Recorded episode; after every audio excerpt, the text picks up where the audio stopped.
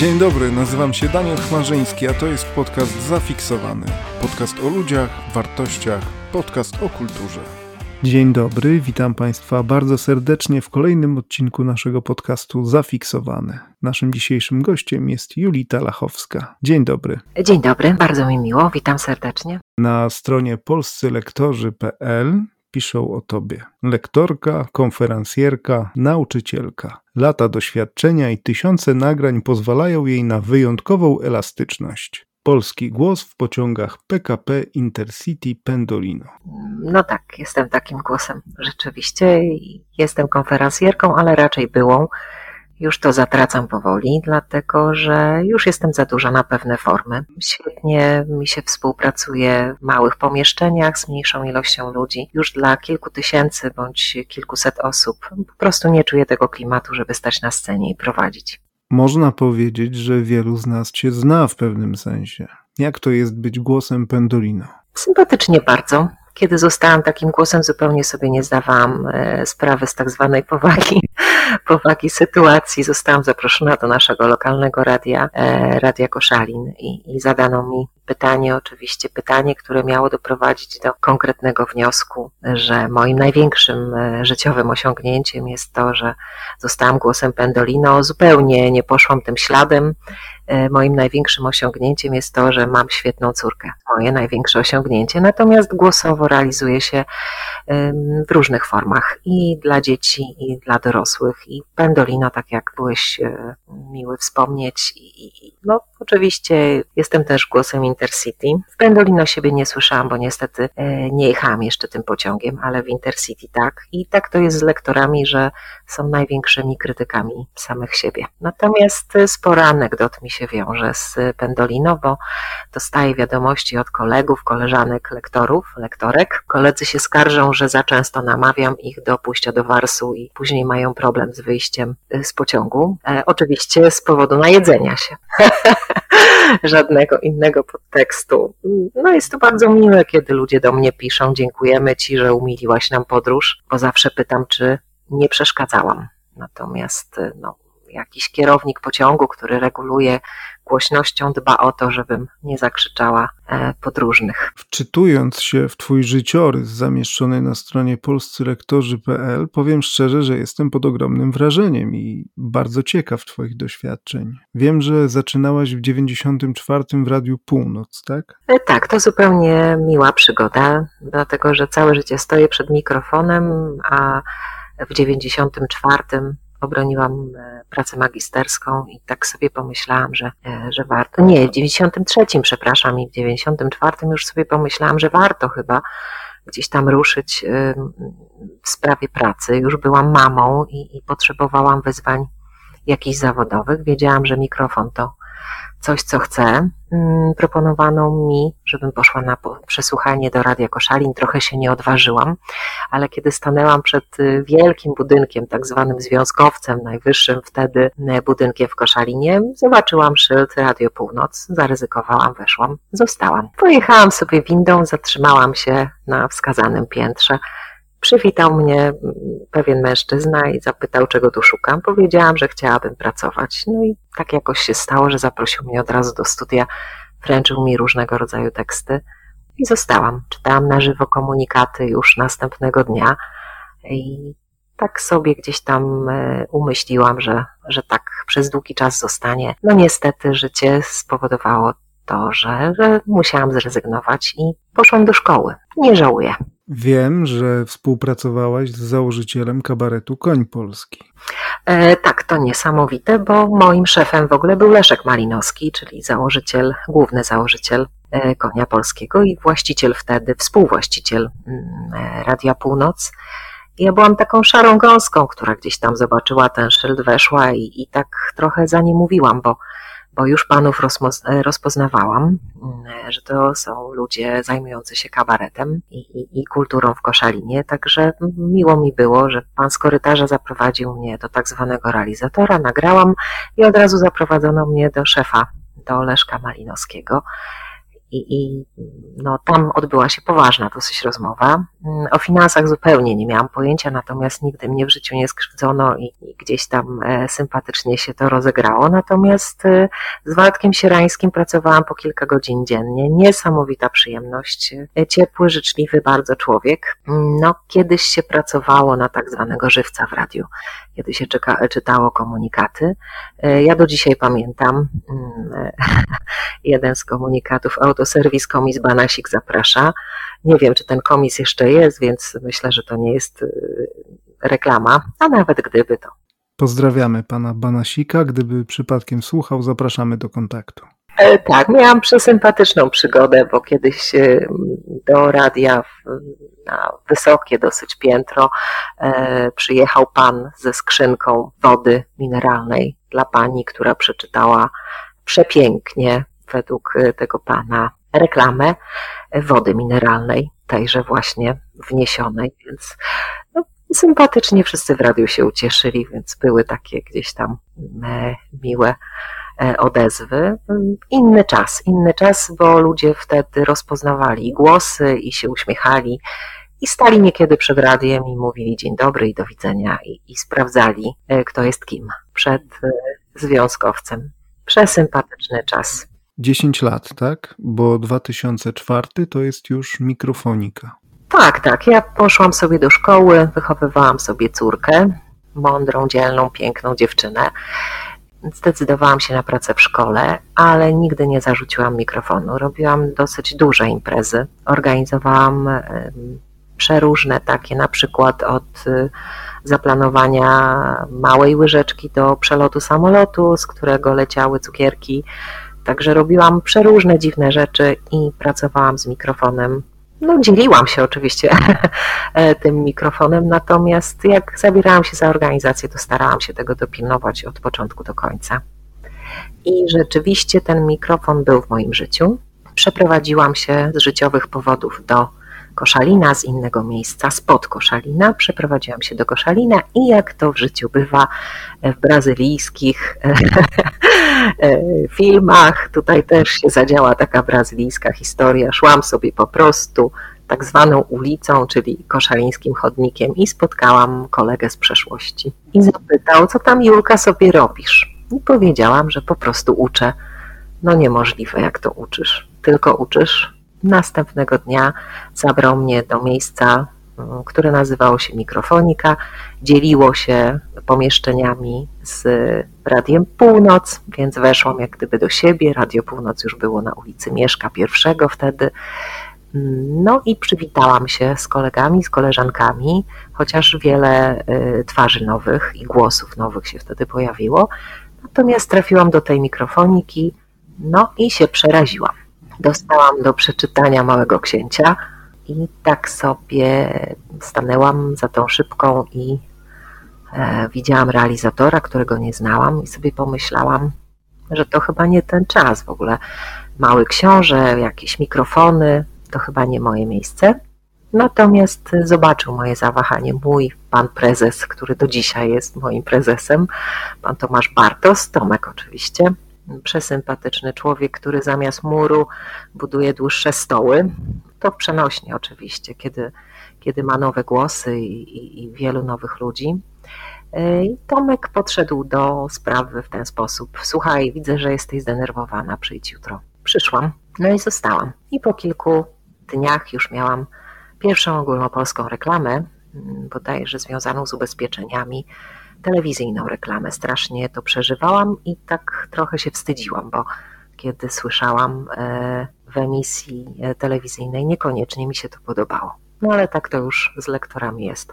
Opowiedz o filmie z zasadami Bartosza Konopki. Ponieważ wszędzie mnie było pełno, bo był wtedy taki czas i, i, kultury wszędzie w Koszalinie mnóstwo. Pracowałam, współpracowałam z Centrum Kultury 105 to jest y, centrum, które zajmowało się organizacją, współorganizacją e, międzynarodowego wówczas festiwalu Młodzi i Film. E, szefował wtedy temu festiwalowi Mariusz Raniszewski. Bardzo żałuję, że Mariusza nie ma e, w Koszalinie, bo to taki kulturotwórczy człowiek z ogromnym takim oglądem w ogóle całego świata I Mariusz mi zaufał. Ja pracowałam wtedy w impresariacie, witałam gości nieśmiało, wskazywałam miejsca, gdzie mogą się przemieścić, pojawić. E, Mariusz zaryzykował i powierzył mi bardzo poważną rolę. Powierzył mi rolę e, prowadzenia gali festiwalu. Miałam przyjemność prowadzić galę z Pawłem Sztąpkę. Chyba nazwiska tutaj nie muszę e, tłumaczyć, bo Państwo znają pana dyrektora z radia ogólnopolskiego. Bałam się ogromnie, natomiast przyjęłam to. No, stałam na scenie Centrum Kultury nieraz. Scena piękna, świetnie przygotowana, życzliwi ludzie z uśmiechem, zakręceni bardzo, bardzo pozytywnie. No i zawierzyłam Mariuszowi, że potrafię. I tam też mnie zauważył e, Bartek Konopka. Bartek Konopka się też pojawił w, w impresariacie. I w dniu, kiedy byłam ubrana zupełnie na biało, cała w lnie, bez żadnych ozdób, bez makijażu, bo tak. I Bartek y, zapytał mnie, czy jestem w stanie mu pomóc w realizacji pewnego pomysłu. Oczywiście byłam tam do dyspozycji reżyserów, aktorów. Powiedziałam, że, że tak. Zgłosiłam panu Mariuszowi Krańszewskiemu, że, że muszę natychmiast wyjść i zaproponowałam, żeby Bartek y, Konopka udał się ze mną do domku Kata. Domek Kata znajduje się od Centrum Kultury 200 metrów, więc poszliśmy sobie do tego domku Kata i tam e, Bartek mi opowiedział, jaką ma koncepcję na rozpoczęcie tego filmu. No i mm, zaproponował mi, żebym w tym filmie wzięła udział. Oczywiście powiedziałam, że jedynie pracuję tutaj głosem, niekoniecznie widzę się przed aparatem Ali fotograficznym, a tym bardziej przed kamerą. No i oczywiście zażartowałam, że pomieszczenia są czarne, a ja na biało, więc będę za grubo wyglądała. I Bartek powiedział, że coś z tym zrobimy. No i mm, sytuacja miała być bardzo prosta. Dostałam plakietki, dostałam plakietki zawieszone na tak zwanych smyczach, e, smycze białe, plakietki białe, ja na biało, e, czarne ściany, moje ciemne włosy, bardzo długie i Bartek mówi, no będzie to wyglądało dobrze. No i w pewnym momencie zaproponował mi, żebym tak lekko się mm, gdzieś tam rozgościła na krzesłach i powachlowała e, powachlowała tym, co trzymałam w ręce, czyli e, tymi e, wszystkimi jakimiś tam wstępami i tak dalej do, do festiwalu. No i oczywiście wzięłam to do ręki, wachlowałam się dzielnie i Bartek mi obiecał, że tego w filmie nie będzie. No i oczywiście e, końcowe sceny festiwalu. Prowadzę właśnie festiwal Zakończenie Gali z Pawłem Sztąpkę. Też to zostało ujęte. Tak kilka gdzieś tam mm, razy się pojawiłam. Nie ma rola, tak jak napisali polscy lektorzy, gdzieś tam tylko migały moje obrazy. Natomiast w filmie mm, wypowiedzi wielu słynnych reżyserów i myślę, że ciekawie zmontowany e, cały film dokumentalny. Mam to na płytce w domu. Nie wiem, czy można w ogóle to udostępniać, nigdzie tego nie widziałam. Film zasadami mówiący o tym, jak budować e, film po prostu. No i e, sytuacja mm, taka, że mm, film zostaje pokazany później na następnym festiwalu i siedzę sobie grzecznie, znowu jako pracownik, tak zwany pracownik Centrum Kultury, czyli pracownik e, zatrudniony do współorganizacji, do życia mm, ludzi, którzy pojawiają się na Międzynarodowym Festiwalu. Znowu jest szefem Mariusz Aniszewski, siedzimy sobie grzecznie, dzielnie i oczywiście rozpoczyna się film, filmem z zasadami. I pierwszy plan filmowy i Jestem, wachluję się właśnie. Cała na ekranie, mało nie zemdlałam. Także. Jak obiecał, tak zrobił. Cóż, cóż, że ze Szwecji. No dokładnie, no to cóż, że ze Szwecji. A, a propos też mam z tym e, anegdotę, jeżeli pozwolisz. Oczywiście. E, zabieram koleżanki, jest zima, pierwsza taka e, pogoda pojawiająca się mm, w grudniu. Wcześniej nie było śniegu, jedziemy. Ja jadę starą swoją Skodą. E, opony oczywiście, zgadnij jakie? Letnie. Oczywiście. Nie, nie, nie opłaca się. Poza tym zima mnie zaskoczyła, bo to przecież grudzień. Jedziemy, no i dziewczyny mówią, no co tam Julka robisz? No, nie znały mnie wszystkie i opowiadam, że, że właśnie nagrywam i że wchodząc do studia mówię, no to cóż, że ze Szwecji i takie różne inne. I cały, cały samochód, no, wyśmiewający się, mówiący tego typu teksty. Wchodzimy do... Tak, e, wchodzimy do hotelu i witają nas w przejściu Szwedzi. No i mówimy, no to cóż, że ze Szwecji wieczór spędzony w polsko-szwedzkim towarzystwie na konferencji polskiej wypalenie zawodowe. Poza wspomnianymi doświadczeniami, których jest ogrom, wiem, że jesteś również aktywistką społeczną. Brałaś udział w organizacji szeregu inicjatyw, m.in. w Ośpu. Czy mogłabyś opowiedzieć nam nieco więcej o swoich aktywnościach społecznych? Mieszkałam w małej miejscowości w lesie nad jeziorem, przepięknym miejscu w Rosnowie. Tak mnie rzucił los i stamtąd właśnie dojeżdżałam to były pierwsze moje kroki z, do, do Radia Północ. Mm, tam mieszkając, dowiedziałam się, że jest taka akcja jak Wielka Orkiestra Świątecznej Pomocy. To była bodajże druga taka akcja, pierwszą gdzieś tam ominęłam. No i znalazłam kilka osób, które powiedziały: Dobra, wierzymy ci, damy radę bo robiły ze mną przeróżne inne rzeczy, jakieś bajki dla dzieci, zbieraliśmy na przeszczepy chorych y, maluchów. No, przeróżnie pracowałam. Należałam do y, tak zwanego zespołu polityki społecznej, żeby było poważnie. Mm, oczywiście społecznie do polityki społecznej, tak, tak to wyglądało. No i stwierdziłam, że, że mam kilkoro fajnych ludzi, z którymi gdzieś tam będę współpracowała. I wtedy spotkałam na swojej drodze pana majora Ryszarda Winiarczyka, nieżyjącego już niestety. I pan major, widząc jak organizuje inne rzeczy, powiedział: Dobra, dam ci salę, dam ci wszystko i jak ty to widzisz? Zorganizowaliśmy spotkanie, przygotowałam karteczki, był dowódca pułku wtedy, zastępca, byli ludzie, ważni ludzie z, ze środowiska strażaków i tak dalej. No i fajnie sobie porozgrywaliśmy role. Właśnie wtedy pojawiły się nad plażą w Rosnowie samoloty zrzucające cukierki i, i przeróżne e, dziwne rzeczy. Także no, prowadziłam sama. Oddawałam na chwilę mikrofon, ale prowadziłam przeróżne rzeczy, zaczynając w piątek, kończąc w niedzielę. I pierwsza impreza to była taka e, próbna, ponieważ sztab w Koszalinie trochę nie wierzył, że taka jakaś tam młoda Julka e, ogarnie taką sporą imprezę, no ale udało się. Przyjechali na bal i ten bal jest do dzisiaj. E, wszedł do tradycji przyjeżdżają e, ważni ludzie, którzy chcą pomóc e, chorym e, dzieciom lub seniorom, czy, czy jednym i drugim. Przyjeżdżają na takowy bal i uczestniczą w licytacjach, aukcjach, zarabiają dobre pieniądze na tym i przekazują na bardzo szczytny cel. Jest mi miło, aczkolwiek troszeczkę gdzieś tam mnie serce boli, bo władze zajęły się tym balem i i trochę nie zostaje na to zaproszona. Trochę mi przykro, bo to moje dziecko. Mhm. Prowadziłaś też szereg innych imprez i spotkań, między innymi dla Towarzystwa Przyjaciół Dzieci, dla NOTU, Politechniki Koszalińskiej, Urzędu Miejskiego, Starostwa Powiatowego, Centrum Kultury 105 czy Teatru Varieté Muza. Czy chciałabyś coś dodać, opowiedzieć na temat tych właśnie imprez? To znaczy tych imprez rzeczywiście było sporo i najmniej chyba y, gdzieś tam pamiętam takie imprezy poważne. Najbardziej miło wspominam imprezy, gdzie jest muzyka, gdzie jest uśmiech i, i gdzieś tam można e, współpracować z widownią. Miałam taką e, oczywiście kolejną anegdotę, mogę powiedzieć, dotyczącą siebie. No, jeżeli się prowadzi, no jest, jestem kobietą. Wodą, ogniem, burzą, perłą na dnie. Dokładnie.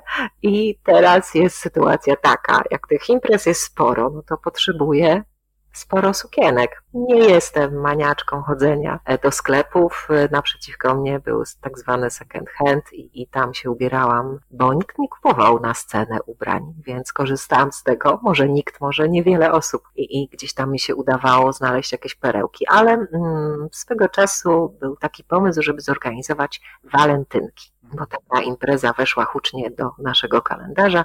To było mniej więcej z 10-9 lat temu i e, szef Varieté Muza, e, Jarosław Barów, e, zaproponował mi współpracę. Wiesz, no tam wejdziesz na scenę, e, coś tam powiesz, jak zwykle przygotujesz. No i poprosiłam o wykaz, wykaz utworów i jestem maniaczką wprowadzania poezją, wprowadzania gdzieś tam uśmiechem, ale rzeczywiście szukam e, poetyckich tekstów, które gdzieś tam przeprowadzają ludzi przez wieczór. No i e, sukienka była największym moim problemem. Pożyczyłam od koleżanki oczywiście. Jaką? Jak? Jaki kolor? Na walentynki? No jaki? No? No, czerwony, karmazynowy. Tak, oczywiście czerwi.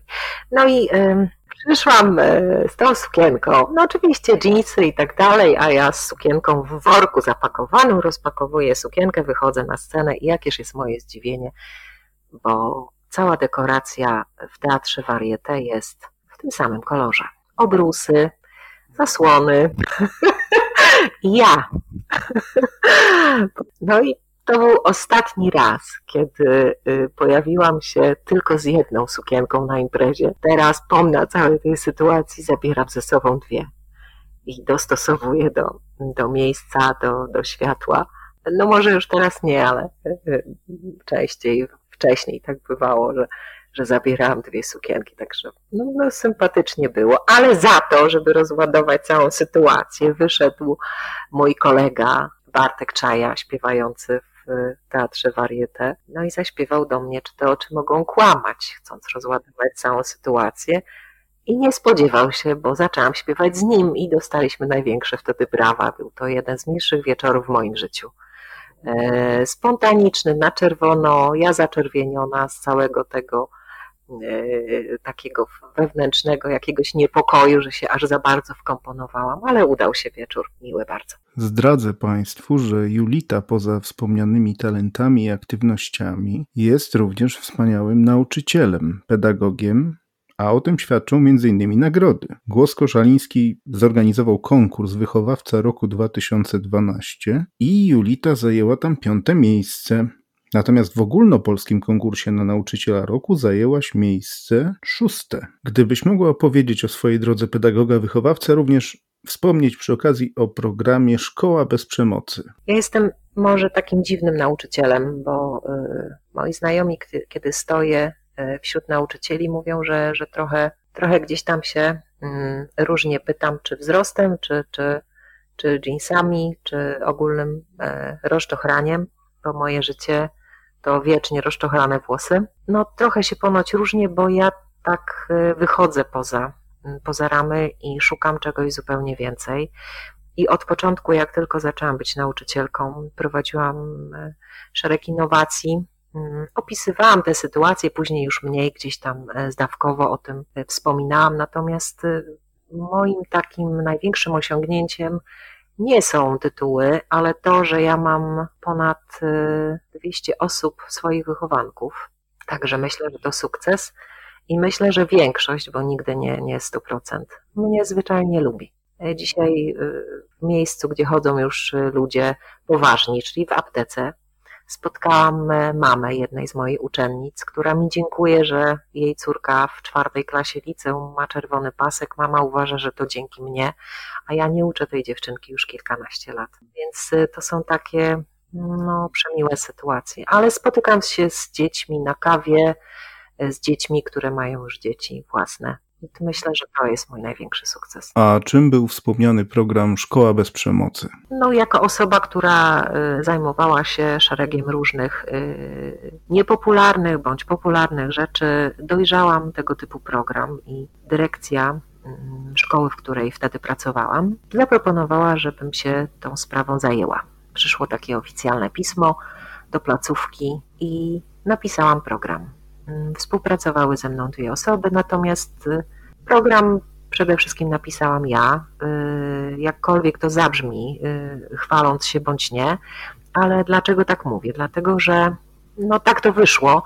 Natomiast pracując wcześniej z różnymi instytucjami, poznałam mnóstwo ciekawych osób. I siadając do pisania tego programu, postarałam się, żeby te osoby włączyć do współpracy, jak gdyby odnowić ścieżki, na których gdzieś tam się spotykaliśmy. No i się odezwałam do tak zwanych słynnych klaunów, którzy nazywają się kulki. E, występują u nas w Koszalinie. odezwałam się do aktorów Bałtyckiego Teatru Dramatycznego, zaproponowałam tematy mm, zajęć, obgadałam, tak kolokwialnie mówiąc, czego, czego bym oczekiwała. Fundusze nie były jakieś gigantyczne, bo to było bodajże 2000 zł wtedy na wszystko. Natomiast no, ludzie, którzy mi gdzieś tam zaufali w życiu wcześniej, wiedzieli, że, że będzie to na poziomie. Nie będę wykorzystywała e, ich do tego, żeby to były kilkugodzinne spotkania. To były półtora godzinne, zaplanowane od A do Z no i jak powstał ten program, obgadałam to wszystko z tymi ludźmi, zgodzili się, mm, zaproponowałam, wysłałam. E, szczerze mówiąc, nie miałam pomysłu na wstęp i wstęp e, napisała ze mną koleżanka Wioleta Prokopowicz, a tak naprawdę to robiła kopię w klej ze swojej innowacji, bo już nie miałyśmy czasu, bo więcej miejsca zajęło nam e, wpisywanie, wklepywanie w małe okienko, bo tak to wyglądało, wklepywanie swoich pomysłów. Zdążyłyśmy, bo to był e, tak zwany czasookres, w którym należało się zmieścić jeszcze liczba e, wersów i w ogóle tam były pewnego rodzaju ograniczenia. No i dowiedziałam się, że tych programów dotarło do pana prezydenta ponad 600 i, i w sumie odpuściłam Myślałam, że to nie będzie w ogóle do realizacji. No i jakież było moje zdziwienie, że 48 programów zostało przyjętych i w tym program, który napisałam. Serdecznie gratuluję. Dziękuję. I oczywiście wzbudziłam mm, różne uczucia, bo pierwszym takim, e, pierwszą taką akcją, która się odbyła w ramach tego programu, to był Marsz Tolerancji. Ale dzieci były przebrane za e, Egipcjan, bo ktoś tam gdzieś był w Egipcie, za cyganów, bo ktoś tam kogoś miał w rodzinie, śpiewały, bawiły się, e, nie było pojęć gender i tak dalej, to, to nie, nie o to chodzi.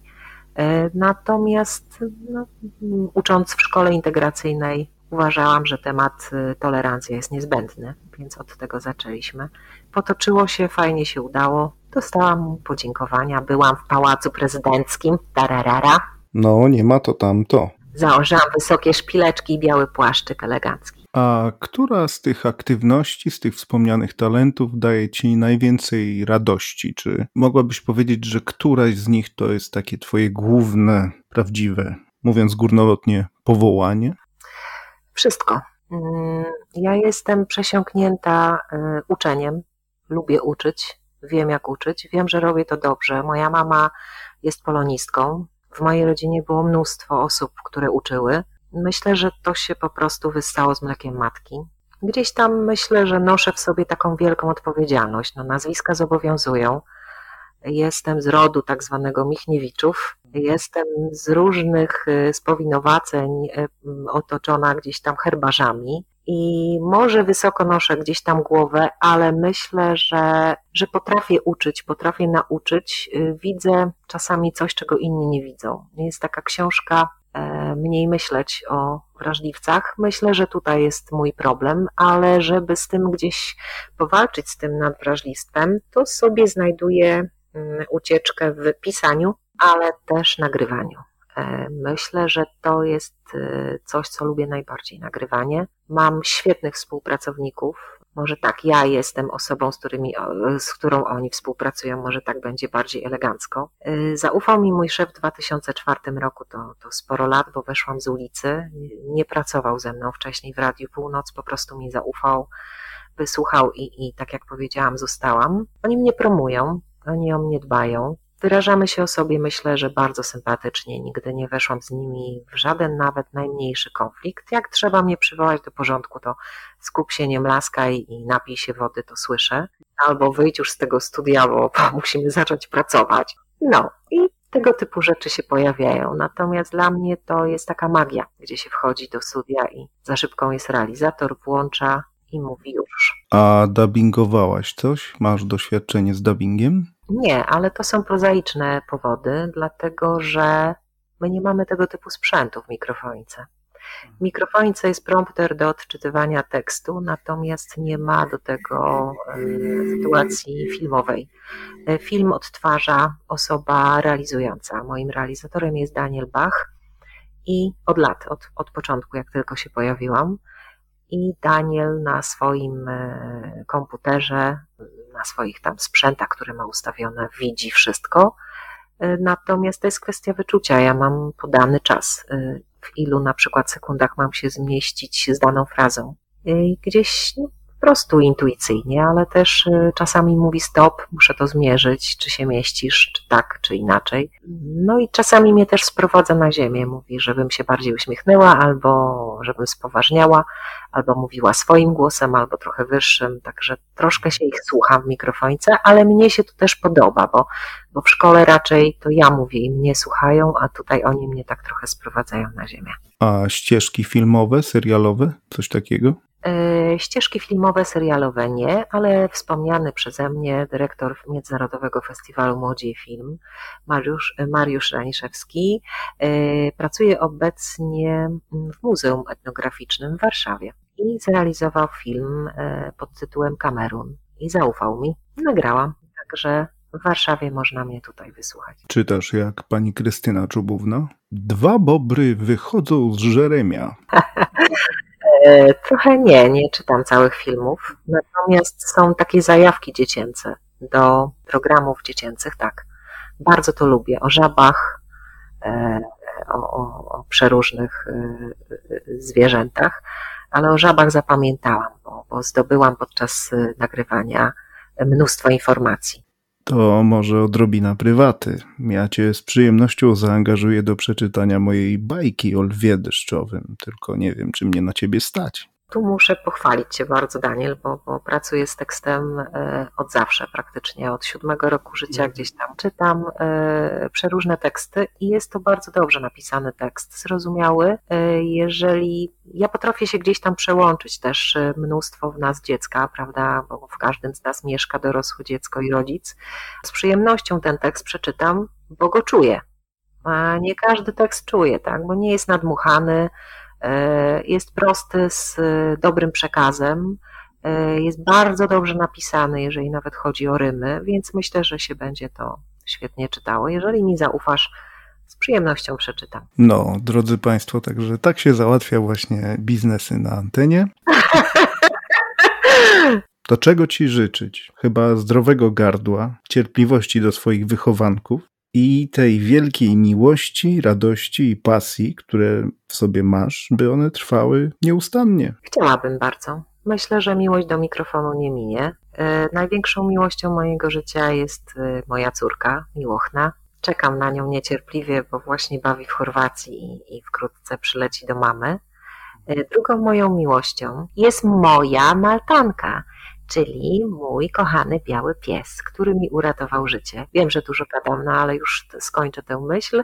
I wyobraź sobie, że sprawdzałam tak sobie leżąc y, kiedyś po wizycie w szpitalu, w domu już oglądałam sobie jej zdjęcia i, i cieszyłam się, że jest, że będę miała mm, motyw, żeby gdzieś tam coś napisać, ale też motywację do wyjścia na dwór i zajrzałam, kiedy imieniny ma moja Mija. No i wyobraź sobie, że ma imieniny w dniu imienin mojej córki i w dniu urodzin mojej najkochańszej babci Adeli. Podobno przypadki są tylko w gramatyce, także wiesz. No, znam przypadki, drażnią mnie i ostatnio gdzieś tam nawet sobie pozwoliłam na wypowiedzi dotyczące dopełniacza i biernika, bo to aż boli, jak ludzie to stosują. Pięknie dziękuję za życzenia. Droga Julito, serdecznie dziękuję Ci za arcyciekawą, wspaniałą rozmowę. Dziękuję Państwu i zapraszam na kolejny odcinek naszego podcastu.